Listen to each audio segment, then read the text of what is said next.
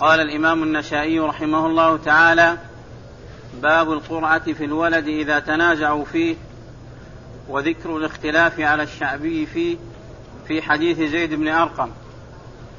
وقال أخبرنا أبو عاصم خشيش بن أسرم قال أنبأنا عبد الرزاق قال أنبأنا الثوري عن صالح الهمداني عن الشعبي عن عبد خير عن زيد بن أرقم رضي الله تعالى عنه قال أتي علي رضي الله عنه بثلاثة وهو باليمن وقعوا على امرأة في طهر واحد فسأل اثنين أتقران لهذا بالولد؟ قال لا. ثم سأل اثنين أتقران. أتقران. أتقران لهذا بالولد؟ قال لا. فأقرع بينهم فألحق الولد بالذي صارت عليه القرعة وجعل عليه ثلثي الدية فذكر ذلك للنبي صلى الله عليه وسلم فضحك حتى بدت نواجذه. بسم الله الرحمن الرحيم. الحمد لله رب العالمين وصلى الله وسلم وبارك على عبده ورسوله نبينا محمد وعلى آله وأصحابه أجمعين. أما بعد يقول النسائي رحمه الله باب القرعة في إلحاق الولد إذا تنازعوا فيه.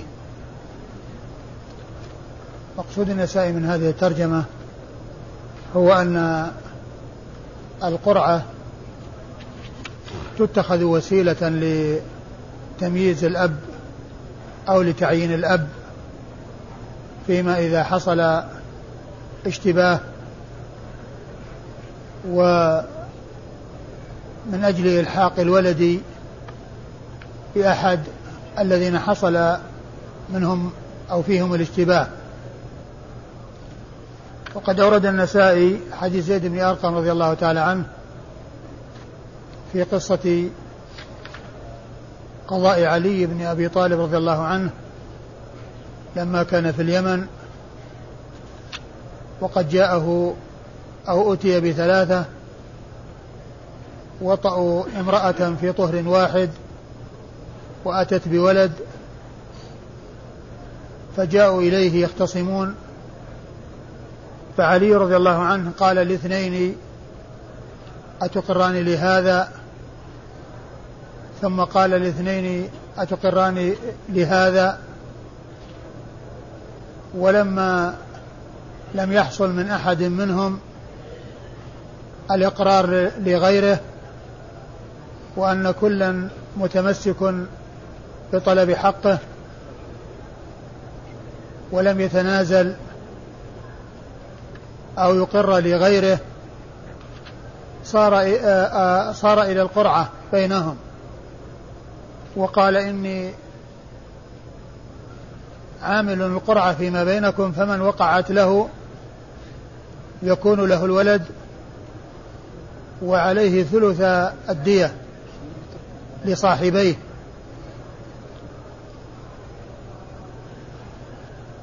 فبلغ ذلك النبي صلى الله عليه وسلم فضحك حتى بدت نواجذه. وهذه وهذه المسألة وقعت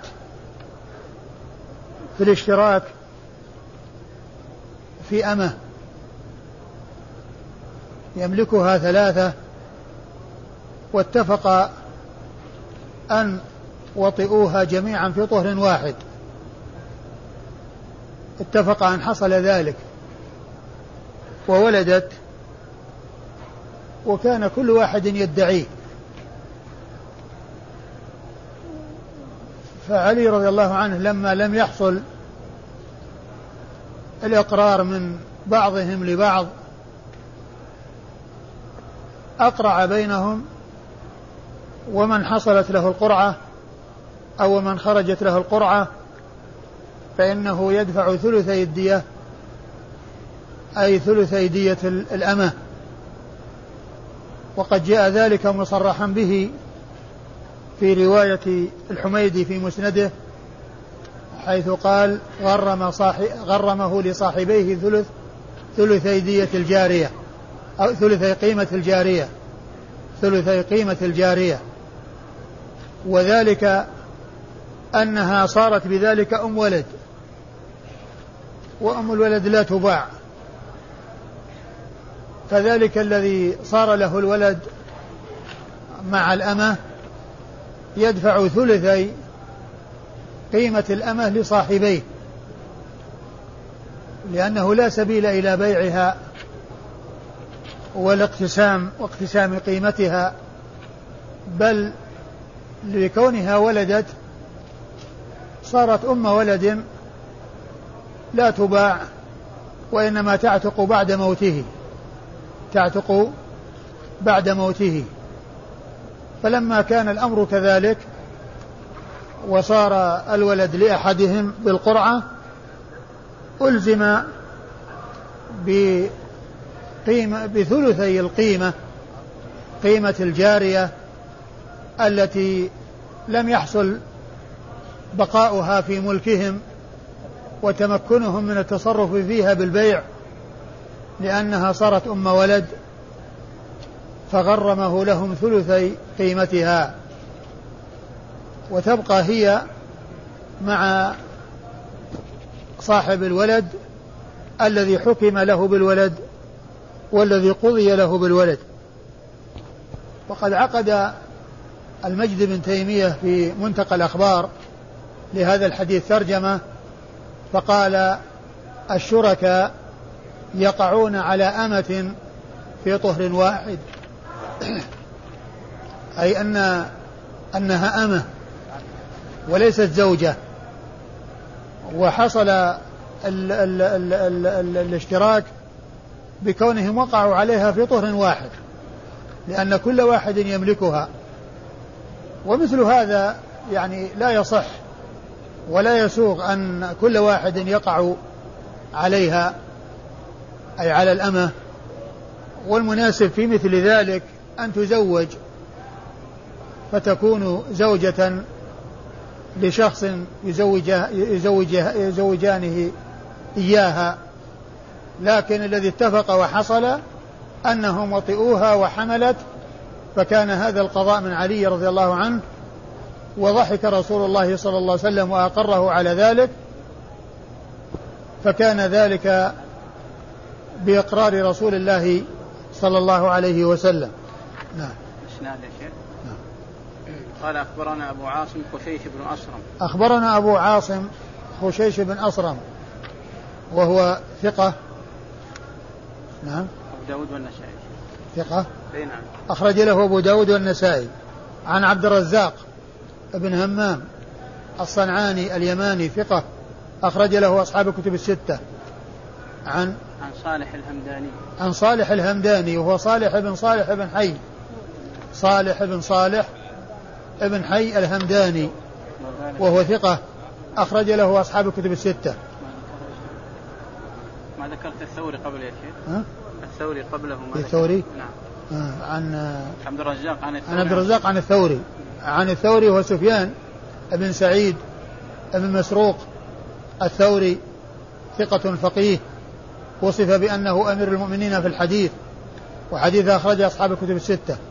عن صالح الهمداني هو صالح بن صالح بن حي. صالح بن صالح بن حي الهمداني ثقة أخرج له أصحاب الكتب الستة. عن الشعبي. عن الشعبي هو عامر بن شراحيل. عامر بن شراحيل الشعبي ثقة فقيه أخرج له أصحاب الكتب الستة. عن عبد خير, عن عبد خير وهو ابن ما أعرف يا شيخ. عبد خير هو بن يزيد. لا هو بن لم يصح له هو بن يزيد أو كذا. سمى شيخ. لا شوف. هو همداني بس يعني اسمه أبيه. والله ما أعرف. ها؟ ما ما أعرف ما ذكر له اسم أب؟ لكن ها؟ سم؟ ابن يزيد نعم. قال ابن يزيد. في التقريب.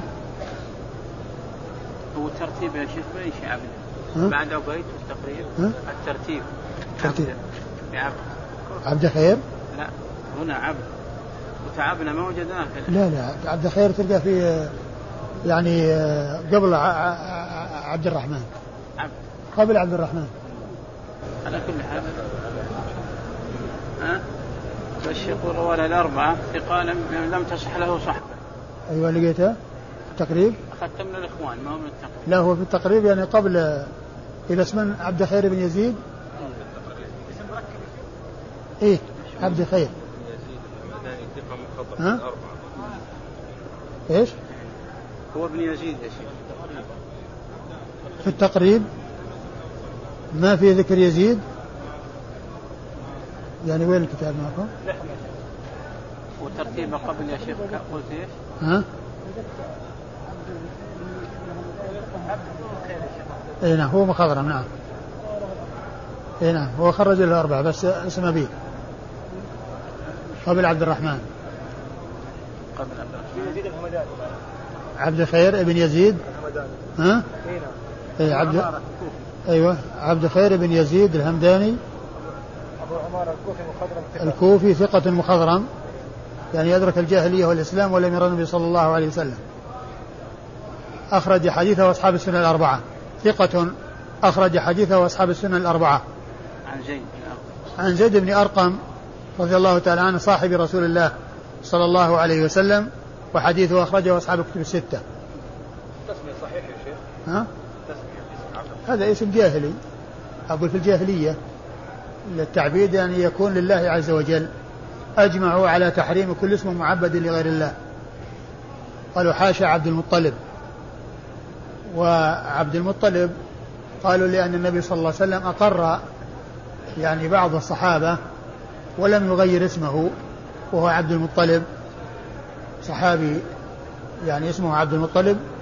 لم يغير النبي صلى الله عليه وسلم اسمه. نعم. هو مسند علي يا شيخ؟ لا مو مسند علي مسند زيد بن أرقم. لأنه يخبر عن الذي جرى لعلي.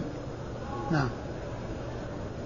وقال أخبرنا علي بن حجر قال حدثنا علي بن مسهر عن الأجلح عن الشعبي قال أخبرني عبد الله بن أبي الخليل الحضرمي عن زيد بن أرقم رضي الله تعالى عنه قال بينا نحن عند رسول الله صلى الله عليه وسلم إذ جاءه رجل من اليمن فجعل يخبره ويحدثه وعلي بها فقال يا رسول الله أتى عليا ثلاثة نفر يختصمون في ولد وقعوا على امرأة في طه وساق الحديث. ثم ورد النسائي حديث زيد بن أرقم رضي الله عنه من طريق أخرى وهو مثل الذي قبله ذكر أوله وأحال على باقيه في ما تقدم أحال في باقيه على ما تقدم وإسناد الحديث أخبرنا علي بن حجر أخبرنا علي بن حجر بن إياس السعدي المروزي ثقة أخرجه أصحاب أخرجه البخاري ومسلم والترمذي والنسائي. قال حدثنا علي بن مسهر. قال حدثنا علي بن مسهر وهو ثقة أخرج له أصحاب الكتب الستة. عن الأجلح. عن الأجلح وهو يحيى بن سليم. بن عبد يحيى بن عبد الله نعم. يحيى بن عبد الله وهو صدوق أخرج حديثه البخاري في الأدب المفرد وأصحاب السنة الأربعة. نعم عن الشعبي. عن الشعبي وقد مر ذكره. عن عبد الله بن أبي الخليل. عن عبد الله بن أبي الخليل وهو مقبول أخرج حديثه أصحاب السنن أخرج حديثه أصحاب السنن الأربعة. عن زيد بن أرقم. عن زيد بن أرقم وقد مر ذكره. وقال أخبرنا عمرو بن علي قال حدثنا يحيى عن الأجلح عن الشعبي عن عبد الله بن أبي الخليل عن زيد بن أرقم رضي الله تعالى عنه قال كنت عند النبي صلى الله عليه وسلم وعلي رضي الله عنه يومئذ باليمن فأتاه رجل فقال شهدت عليا أتي في ثلاثة نفر ادعوا ولد امرأة فقال علي لأحدهم تدعه لهذا فأبى وقال لهذا تدعه لهذا فأبى وقال لهذا تدعه لهذا فأبى. قال علي رضي الله عنه أنتم شركاء متشاكسون وسأقرع بينكم. سأقرع. نعم. أقرع. سأقرع. إيه أقرع. عندنا بالفتح. أو أقرع يقرع. عندنا بفتح الهمزة يا شيخ. إيه الفتح يعني ما هو الشكل بالكتاب ما هو. طيب نقرأ. أقول الشكل بالكتاب ما هو. طيب. لأنه يعني آه، أقرع يقرع يعني عمل القرعة. أقرع وسأقرع. وسأقرع بينكم فأيكم أصابته القرعة فهو له وعليه ثلثاء الدية. فضحك رسول الله صلى الله عليه وسلم حتى بدت نواجذه. ثم ورد النسائي حديث زيد بن أرقم من طريق أخرى وهو مثل ما تقدم. والإسناد؟ أخبرنا عمرو بن علي. أخبرنا عمرو بن علي الفلاس. ثقة أخرج له أصحاب الكتب الستة بل هو شيخ لأصحاب الكتب الستة. قال حدثنا يحيى. قال حدثنا يحيى بن سعيد القطان. ثقة أخرج له أصحاب الكتب الستة. عن الأجلة عن الشعبي عن عبد الله بن عن الأجلة عن الشعبي عن عبد الله بن أبي الخليل عن زيد بن أرقم وقد مر ذكرهم. وقال أخبرنا إسحاق بن شاهين قال حدثنا خالد عن الشيباني عن الشعبي عن رجل من حضرموت عن زيد بن أرقم رضي الله تعالى عنه قال بعث رسول الله صلى الله عليه وسلم عليا على اليمن فأتي بغلام تنازع فيه ثلاثة وساق الحديث قال خالفهم سلمة بن كهيل.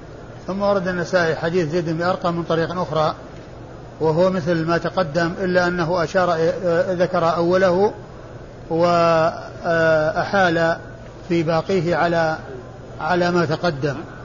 والإسناد؟ قال أخبرنا إسحاق بن شاهين. أخبرنا إسحاق بن شاهين الواسطي وهو ثقة ولا صدوق؟ صدوق. صدوق أخرج حديث البخاري والنسائي. عن خالد. عن خالد بن عبد الله الواسطي. خالد بن عبد الله الواسطي وهو ثقة أخرج له أصحاب الكتب الستة. عن الشيباني. عن الشيباني هو أبو إسحاق سليمان بن أبي سليمان. الشيباني ثقة أخرج له أصحاب الكتب الستة. عن الشعبي. عن الشعبي وقد مر ذكره. عن رجل من حضرموت عن رجل من حضرموت وهو مبهم. ويمكن أن يكون آه، عبد الله بن أبي الخليل الحضرمي. الذي تقدم ذكره. عن زيد بن أرقم وقد مر ذكره. وقال وساق الحديث قال فهم سلمة بن كهيل. سل- قال خالفه سلمة بن كهيل. نعم. ثم ذكر الإسناد الذي فيه سلمة بن كهيل. ذكر الإسناد الذي فيه سلمة بن كهيل. بعد ذلك. قال أخبرنا محمد بن بشار قال حدثنا محمد قال حدثنا شعبة عن سلمة بن كهيل قال سمعت الشعبي يحدث عن أبي الخليل أو ابن أبي الخليل أن ثلاثة نفر اشتركوا في طهر فذكر نحوه ولم يذكر زيد بن أرقم ولم يرفع. قال أبو عبد الرحمن هذا صواب والله سبحانه وتعالى أعلم. ثم أورد النسائي آه الأثر أو الحديث من طريق أخرى لكنه ليس آه ليس في ذكر الصحابي وليس مرفوعا إلى رسول الله صلى الله عليه وسلم. وهو مثل وهو مثل ما تقدم أشار إلى أشار إلى آه أشار في متنه أو بقية متنه على ما تقدم. الإسناد؟ قال أخبرنا محمد بن بشار. أخبرنا محمد بن بشار الملقب بن دار البصري ثقة أخرج له أصحاب الكتب الستة بل هو شيخ لأصحاب الكتب الستة. وهو عنه مباشرة وبدون واسطة. عن محمد وهو بن جعفر الملقب غندر. وهو ثقة أخرج له أصحاب الكتب الستة. وكثيرا ما يأتي في الأسانيد محمد غير منسوب وهو الذي يسمونه المهمل. يعني كونه يعني يذكر الاسم ولا يذكر اسم الأب. يعني قد أهملت نسبته. ولكن إذا جاء محمد يروي عنه محمد بن بشار وهو يروي عن شعبة فالمراد بهذا المهمل هو غندر محمد بن جعفر البصري ثقة. أخرج له أصحاب كتب الستة. عن شعبة وهو ابن الحجاج الواسطي ثم البصري وهو ثقة وصف بأنه أمير المؤمنين في الحديث وحديثه أخرجه أصحاب الكتب الستة. عن سلمة بن كهيل وهو ثقة أخرج له أصحاب الكتب الستة.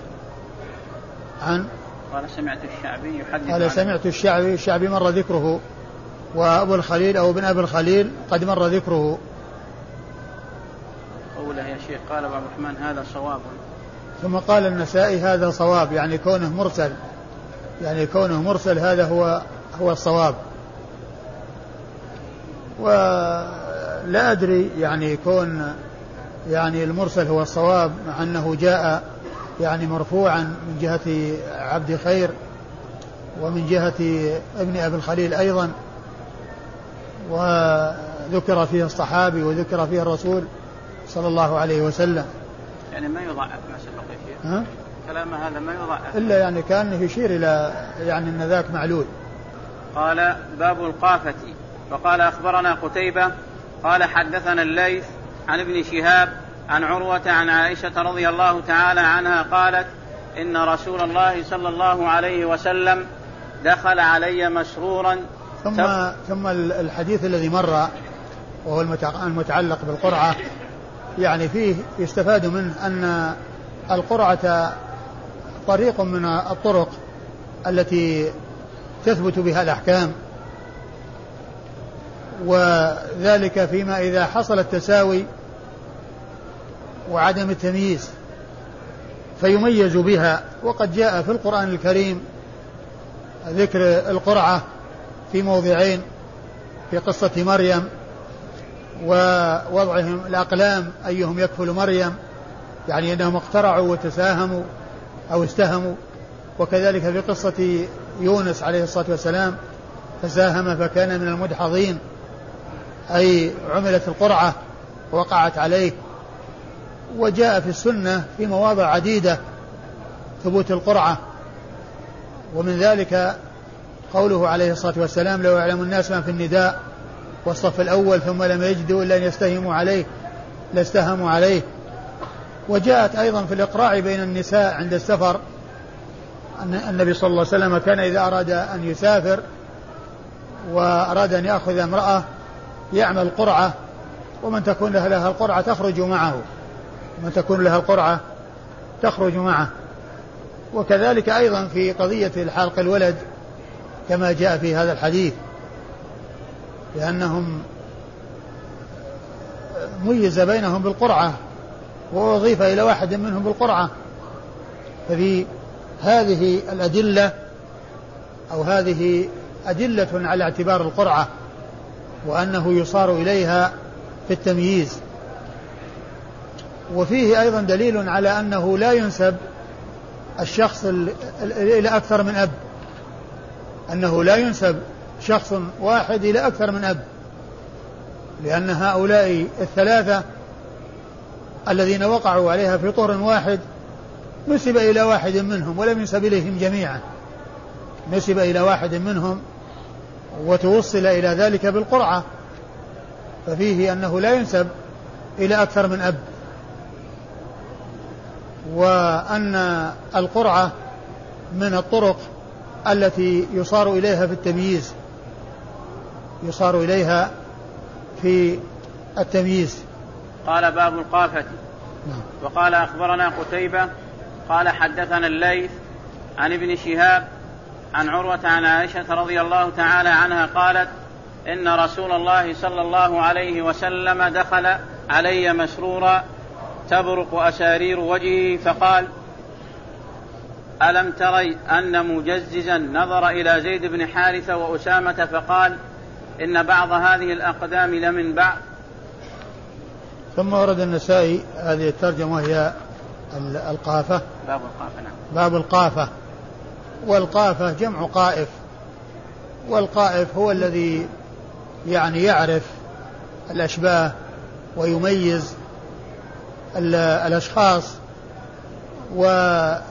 ويميز من آه، يكون آه، الشخص أقرب إليه من الأشخاص الآخرين بالشبه هذا هو القائف. والرسول صلى الله عليه وسلم أورد النسائي حديث عائشة رضي الله عنها في قصة مجزز المدلجي وكان نظر إلى أقدام زيد بن حارثة وابنه أسامة وكان قد تغطيا في قطيفة. غطيا رؤوسهما وبدت أقدامهما فنظر إلى الأقدام وقال إن هذه الأقدام بعضها من بعض إن هذه الأقدام بعضها من بعض. فسر بذلك رسول الله صلى الله عليه وسلم. وذلك أن زيدا كان أبيض وابنه أسامة كان أسود فكان يعني يتكلم فيه وفي هذا التفاوت. بينهما و, و فالرسول صلى الله عليه وسلم لما آه، قال مجزز المدلجي أن هذه الأقدام بعضها من بعض يعني أن أن أحدهما ولد للآخر سر لأن هذا فيه إبطال الشيء الذي كان الناس يتحدثون به والذي كان يعني آه، معروفا في الجاهلية.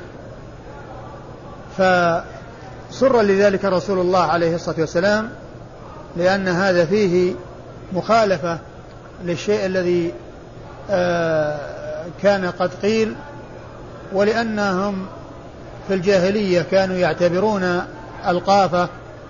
وهذا كلام من قائف نظر إلى الأقدام وألحق بعضها ببعض. وقال إن هذه الأقدام بعضها إن بعضها لا لبعض هذه الأقدام من بعض. والرسول صلى الله عليه وسلم لا يسر بباطل ولا يفرح بباطل وإنما يسر بما هو حق ويفرح بما هو حق عليه الصلاة والسلام. فدل على اعتبار آه، قول القائف والاعتماد عليه لفرح الرسول صلى الله عليه وسلم بذلك القول وهو لا يفرح بباطل صلوات الله وسلامه وبركاته عليه. ففيه دليل على اعتبار القافة والأخذ بقول القائف عند ما يحتاج الأمر إلى الأخذ بقوله. نعم. قال أخبرنا قتيبة. أخبرنا قتيبة بن سعيد بن جميل بن طريف البغلاني ثقة ثبت أخرج له أصحاب الكتب الستة. قال حدثنا الليث. قال حدثنا الليث وهو بن سعد المصري ثقة فقيه أخرج له أصحاب الكتب الستة. عن ابن شهاب. عن؟ عن ابن شهاب. عن ابن شهاب محمد بن مسلم بن عبيد الله بن شهاب الزهري ثقة فقيه أخرج له أصحاب كتب الستة. عن عروة عن عائشة. عن عروة بن الزبير بن العوام ثقة فقيه أحد فقهاء المدينة السبعة في عصر التابعين وحديثه أخرجه أصحاب كتب الستة عن عائشة أم المؤمنين رضي الله عنها وأرضاها الصديقة بنت الصديق وهي واحدة من سبعة أشخاص عرفوا بكثرة الحديث عن النبي صلى الله عليه وسلم وقال أخبرنا إسحاق بن إبراهيم قال أنبأنا سفيان عن الزهري عن عروة عن عائشة رضي الله تعالى عنها قالت دخل علي رسول الله صلى الله عليه وسلم ذات يوم مسرورا فقال يا عائشة ألم تري أن مجززا المدلجي دخل علي وعندي أسامة بن زيد؟ فرأى أسامة بن زيد وزيدا وعليهما قطيفة وقد غطيا رؤوسهما وبدت أقدامهما فقال هذه أقدام بعضها من بعض ثم ورد النسائي حديث عائشة من طريق أخرى وهو مثل ما تقدم. والإسناد؟ أخبرنا إسحاق بن إبراهيم. أخبرنا إسحاق بن إبراهيم بن مخلد بن راهوية الحنظلي المروزي ثقة فقيه وصف بأنه أمير المؤمنين في الحديث وحديثه أخرجه أصحاب الكتب الستة إلا ابن ماجه. قال أنبأنا سفيان. قال أنبأنا سفيان وهو بن عيينة المكي ثقة أخرج له أصحاب الكتب الستة. عن الزهري عن عروة عن عائشة وقد مر ذكرهم. قال إسلام أحد الزوجين وتخيير الولد.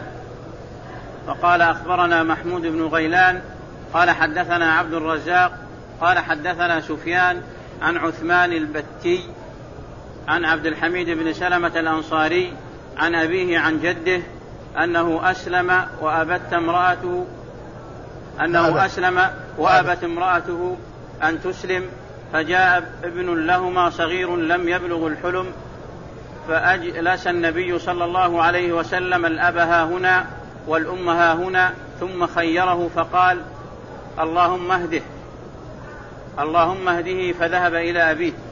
ثم ورد النسائي إسلام أحد الأبوين وإسلام أحد أحد الزوجين وتخيير الولد. إسلام أحد الزوجين وتخيير الولد يعني بين الأبوين تخييره بين أبويه أبيه وأمه. إذا إذا أسلم أحد الزوجين ولم يسلم الآخر فإنه يلتحق بالمسلم ولا يلتحق بالكافر ويكون مع من أسلم من أبويه مع من أسلم من أبويه لأن الولد إذا نشأ مع مسلم ينشأ على الفطرة وينشأ على الإسلام ولكنه إذا نشأ مع كافر الكفار يصرفونه عن الإسلام. كما قال عليه الصلاة والسلام كل مولود يولد على الفطرة فأبواه يهودانه أو ينصرانه يعني ينقلانه من الفطرة إلى الأديان التي فيها الانحراف عن الحق. وكما وكما قال عليه الصلاة والسلام أيضا في الحديث القدسي قال الله عز وجل خلقت عبادي حنفاء فاجتالتهم الشياطين. فاجتالتهم الشياطين. فالأصل هو التوحيد والشرك طارئ. والتوحيد مطابق للفطرة والشرك مخالف لها. فإذا أسلم أحد الأبوين ولم يسلم الآخر فإنه يكون مع خير أبويه دينا. يكون مع خير أبويه. يعني من يكون مع من أسلم. من أسلم منهما. والنسائي أورد حديث عبد الحميد بن سلم عن أبيه عن جده. عبد الحميد بن سلم عن أبيه عن جده. أن أحد أن أباه أسلم وأبت أمه أن تسلم ف آه، جعل النبي صلى الله عليه وسلم الأب في ناحية والأم في ناحية وقال اللهم اهده فذهب إلى أبيه فهو بهذا أو باختياره أباه إنما كان بهذه الدعوة من رسول الله صلى الله عليه وسلم. ولا يلزم في الصور الأخرى أن الطفل إذا وضع بين آه، أب المسلم أو أم كافرة أو العكس أنه يختار أو أنه لا بد وأن يختار المسلم فقد يختار الكافر. لكن هذا الاختيار الذي حصل في هذه القصة بالذات إنما كان بهذا الدعاء من رسول الله صلى الله عليه وسلم. وعلى هذا فالحكم أنه يكون مع خير أبويه دينا ويكون للمسلم لا للكافر ولا يكون مع الكافر حتى لا يصرفه عن الدين وحتى لا ينقله من الفطرة إلى الأديان الأخرى الباطلة. هذا هو الحكم فيما يتعلق بكون أحد الأبوين مسلم والآخر كافر فإنه يكون مع المسلم ويكون ولا يكون مع الكافر. ويحكم للمسلم ولا يحكم للكافر حتى لا يضله وحتى لا ينقله من الفطرة إلى الكفر. إلى الدين الباطل الذي عليه أبوه أو أمه بل يكون مع من أسلم ولا يكون مع الكافر. الإسناد؟ قال أخبرنا محمود بن غيلان. أخبرنا محمود بن غيلان المروزي وهو ثقة أخرج حديثه أصحاب الكتب الستة إلا أبا داود. قال حدثنا عبد الرزاق. قال حدثنا عبد الرزاق وقد مر ذكره. قال حدثنا سفيان. قال حدثنا سفيان وهو, بن وهو سفيان بن سعيد الثوري وقد مر ذكره. عن عثمان البتي. عن عثمان البتي وهو عثمان بن مسلم البتي وهو صدوق عيب عليه الإفتاء بالرأي. عيب عليه الإفتاء بالرأي وحديثه أخرجه أصحاب السنن الأربعة. أقول يا شيخ وش دليل على عدم الاختيار؟ الطفل يا شيخ؟ إيش؟ إيش الدليل على عدم اختيار على عدم تخيير الطفل لابويه على أنه يكون يعطى لمن أسلم منهم؟ الدليل هو ما أشرت إليه من ال- الطفل لا يمكن منه الكافر لأن الكافر إذا استولى على الطفل يصرفه عن الدين ويحرفه عن الدين وهو يكون مع المسلم ولا ولا يكون لل لل- لل- لل- لل- للكافر ولاية على المسلم. ها؟ أنا ذكرت أن هذا الرسول صلى الله عليه وسلم دعا له بالهداية وتحققت دعوة الرسول صلى الله عليه وسلم. وغيره من الأطفال إذا وضع بين يعني أبيه وأمه واحدهما مسلم واحدهما كافر لا يقال أنه يعني لابد أن يختار يختار المسلم ويترك الكافر. عن عبد الحميد بن سلمة الأنصاري. عبد الح... عن ح- عبد الحميد بن سلمة الأنصاري و قال عن مجهول. نعم يا شيخ. مجهول أخرج له بد- النسائي وابن ماجه. أخرج له النسائي وابن ماجه. أخرج له النسائي وابن ماجه. وجاء في بعض الطرق في بعض ال- ال- ال- ال- الأحاديث التي ذكرت فيها القصة عبد الحميد بن جعفر. ابن عبد الله بن الحكم بن رافع بن سنان عن أبيه عن جده. والمزي في تحفة الأشراف جعل الحديث في ترجمة رافع بن سنان. رافع ابن سنان. وذكر يعني الطريقين وأشار إلى الطريقين. وهو حديث النسائي. النسائي وابن ماجه. عن أبيه قال الحافظ أو جده. يعني في التقريب يعني أبوه أو جده. و وأبوه سلمة. أبوه سلمة. نعم. صحابي أخرج له. النسائي وابن ماجه. صحابي أخرج له النسائي وابن ماجه. صحابي أخرج حديثه النسائي وابن ماجه كابنه. نعم.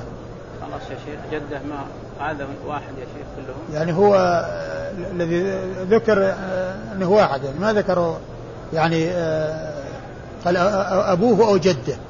أبوه أو جده يعني فيكون سلمة أبوه أو جده.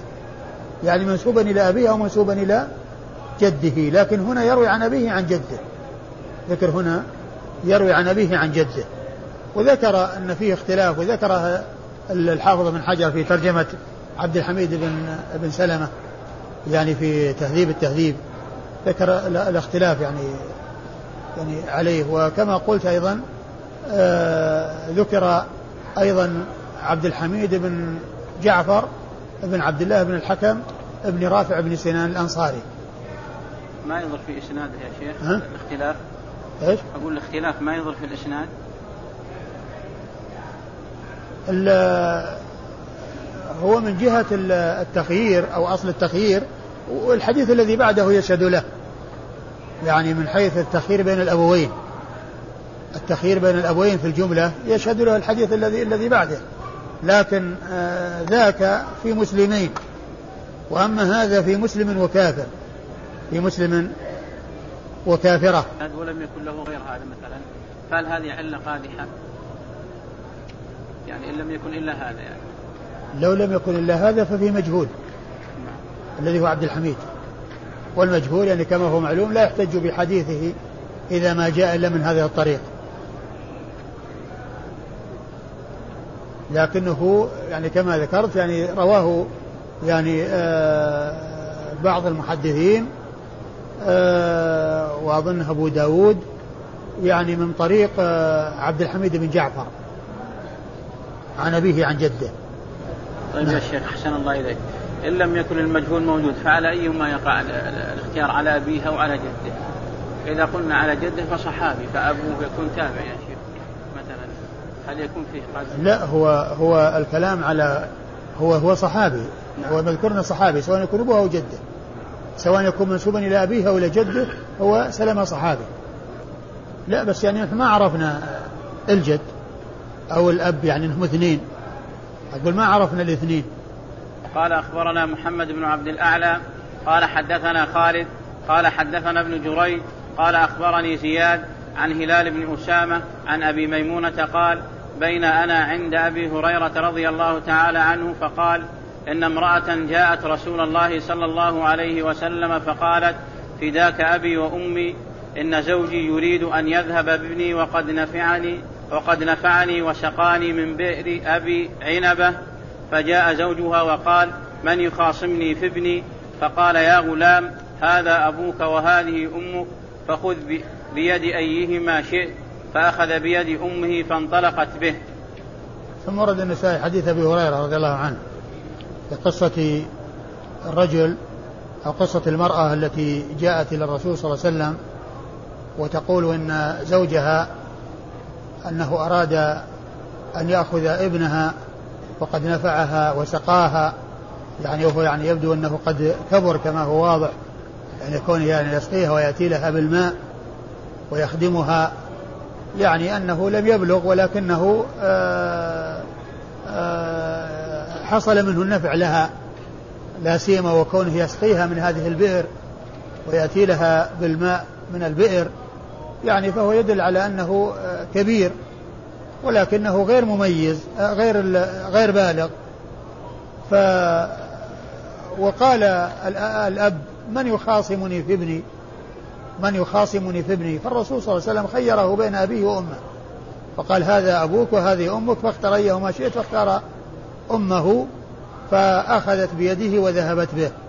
أخذت بيده وذهبت به. فالحديث يدل هذا الحديث يدل على التخيير. يعني ولكنه بين مسلمين. ليس بين مسلم وكافر وإنما هو بين مسلمين. فالرسول صلى الله عليه وسلم خير بين الأب والأم. لكن أيضا كما أشرت يعني من قبل إلى أن جانب الإسلام وجانب الكفر يعني معتبر تمييز الكافر عن المسلم.